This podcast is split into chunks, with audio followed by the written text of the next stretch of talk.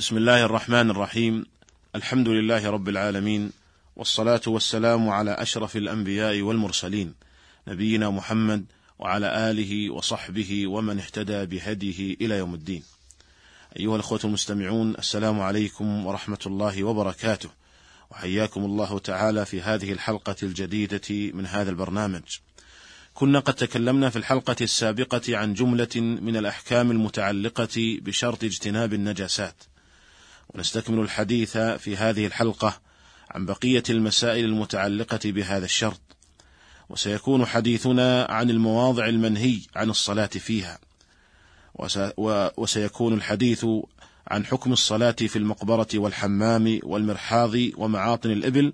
وأما بقية المواضع فسنتكلم عنها في الحلقة القادمة إن شاء الله تعالى. فنقول قد جاء في حديث أبي سعيد الخدري رضي الله عنه أن النبي صلى الله عليه وسلم قال: الأرض الأرض كلها مسجد إلا المقبرة والحمام. أخرجه أبو داود والترمذي وابن ماجه وأحمد وابن خزيمة والحاكم وجود إسناده شيخ الإسلام ابن تيمية رحمة الله تعالى على الجميع. ففي هذا الحديث دلالة على أن الصلاة لا تصح في المقبرة والحمام. أما المقبرة فلأن الصلاة فيها قد تتخذ ذريعة إلى عبادة القبور أو التشبه بمن يعبد القبور. ولهذا لما كان الكفار يسجدون للشمس عند طلوعها وغروبها نهى النبي صلى الله عليه وسلم عن الصلاة عند طلوع الشمس وعند غروبها، بل نهى عن الصلاة من بعد صلاة الفجر حتى تطلع الشمس، ومن بعد صلاة العصر حتى تغرب الشمس، لئلا تتخذ ذريعة إلى أن تعبد الشمس من دون الله تعالى، أو إلى أن يتشبه بالكفار. قال شيخ الإسلام ابن تيمية رحمه الله: من الفقهاء من اعتقد أن سبب كراهة الصلاة في المقبرة ليس إلا كونها مظنة للنجاسة لما يختلط بالتراب من صديد الموتى وبنى على هذا الاعتقاد الفرق بين المقبرة الجديدة والعتيقة وبين أن يكون بينه وبين التراب حائل أو لا يكون. لكن المقصود الأكبر ليس هو هذا فإنه صلى الله عليه وسلم قد بين أن اليهود والنصارى كانوا إذا مات فيهم الرجل الصالح بنوا على قبره مسجدا وقال لعن الله اليهود والنصارى اتخذوا قبور أنبيائهم مساجد يحذر ما فعلوا وقال اللهم لا تجعل قبري وثنا يعبد اشتد غضب الله على قوم اتخذوا قبور أنبيائهم مساجد. وهذا كله يبين أن السبب ليس مظنة النجاسة وإنما مظنة اتخاذهم أوثانا. انتهى كلامه رحمه الله. والحاصل أيها الإخوة أن العلة في النهي عن الصلاة في المقبرة ليس خشية النجاسة وإنما هي خشية تعظيمها واتخاذ القبور أوثانا. فالعلة هي سد الذريعة عن عبادة المقبورين. ويستثنى من ذلك صلاة الجنازة فيجوز فعلها في المقبرة لفعل النبي صلى الله عليه وسلم. ففي الصحيحين عن أبي هريرة رضي الله عنه في قصة المرأة التي كانت تقم المسجد فسأل عنها النبي صلى الله عليه وسلم فقالوا ماتت فقال أفلا كنتم آذنتموني أي أعلمتموني فكأنهم صغروا أمرها. فقال صلى الله عليه وسلم دلوني على قبرها. فدلوه فصلى عليها. فدل هذا على استثناء صلاة الجنازة فيجوز أن تصلى في المقبرة. وما عداها فلا يجوز أن تكون في المقبرة سواء كانت صلاة فريضة أو نافلة.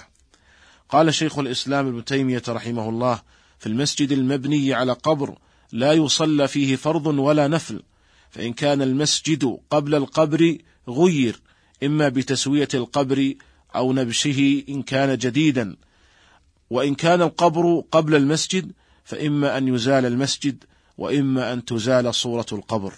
انتهى كلامه رحمه الله. وأما الحمام المستثنى مع المقبرة في حديث أبي سعيد الأرض كلها مسجد إلا المقبرة والحمام فليس المراد به الحمام المعروف عند الناس اليوم بدورة المياه فإن هذا يسمى مرحاضا أو حشا وسيأتي الكلام عليه. وإنما المراد بالحمام في هذا الحديث المغتسل المعد للناس. وقد كان الناس قديما يجعلون مغتسلات يأتي إليها الناس ويغتسلون فيها ويحصل فيها كشف للعورات واختلاط بين الرجال والنساء. فهذه الحمامات بهذا الوصف. فهذه الحمامات بهذا الوصف قد دل هذا الحديث على أنه لا تصح الصلاة فيها. وإذا كانت الصلاة لا تصح في هذه الحمامات فلا تصح من باب أولى في الحشوش والمراحيض المعدة لقضاء الحاجة وهي ما يسميها الناس اليوم بدورات المياه لأنها أماكن نجسة خبيثة ولأنها مأوى الشياطين. ومن المواضع المنهي عن الصلاة فيها أعطان الإبل والمراد بها ما تقيم فيها الإبل وتأوي إليها سواء كانت مبنية بجدران أو محوطة بأشجار أو بقوس ونحو ذلك. وقد جاء في صحيح مسلم عن جابر بن سمرة رضي الله عنه أن رجلا سأل النبي صلى الله عليه وسلم أصلي في مرابض الغنم؟ قال نعم. قال أصلي في مبارك الإبل قال لا. وعن أبي هريرة رضي الله عنه أن رسول الله صلى الله عليه وسلم قال: صلوا في مرابض الغنم ولا تصلوا في أعطان الإبل. وليست علة النهي عن الصلاة في معاطن الإبل نجاستها، فإن بول وروث الإبل طاهر، بل بول جميع ما يؤكل لحمه وروثه طاهر، كما دل لذلك أحاديث كثيرة، ومنها ما جاء في الصحيحين في قصة العرنيين الذين قدموا المدينة فاشتكوا فأمرهم النبي صلى الله عليه وسلم أن يلحقوا بإبل الصدقة فيشربوا من ألبانها وأبوالها. فلو كانت أبوالها نجسة لما أمرهم النبي صلى الله عليه وسلم بالشرب منها. ثم إن النبي صلى الله عليه وسلم قد أذن بالصلاة في مرابض الغنم. ولو كانت نجسة لما أذن بالصلاة فيها.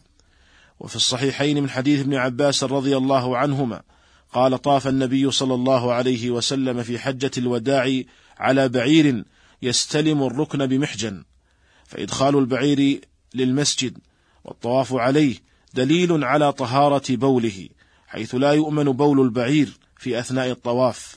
ولو كان نجسا لم يعرض النبي صلى الله عليه وسلم المسجد للنجاسة.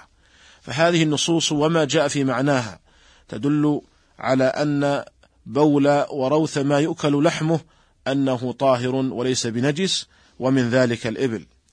وحينئذ نقول إن نهي النبي صلى الله عليه وسلم عن الصلاة في معاطن الإبل ليس لأجل نجاستها وإنما لعلة أخرى غير النجاسة.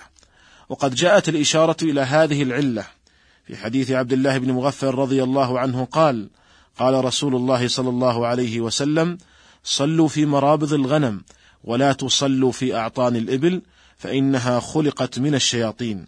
أخرجه أحمد وابن ماجه وابن حبان وابن أبي شيبة والبيهقي بسند صحيح. قال ابن حبان رحمه الله وقول النبي صلى الله عليه وسلم فإنها خلقت من الشياطين أن معها الشياطين. يكون المعنى أن معها الشياطين كما قال صلى الله عليه وسلم لمن يصلي وأراد أحد أن يمر بين يديه قال فليدرأه ما استطاع فإن أبى فليقاتله فإنه شيطان. وفي الرواية الأخرى فليقاتله فإن معه القرين. وقيل المعنى أن من طبعها الشيطنة وليس معناه أن مادة خلقها الشيطنة. فهو كقول الله تعالى خلق الإنسان من عجل أي طبعه هكذا. فهكذا نقول في الإبل طبعها الشيطنة فهي لا تكاد تهدأ أو تقر في العطن بل تثور. فربما قطعت على المصلي صلاته وشوشت عليه خشوعه وربما ثارت عليه فأحدثت به ضررا.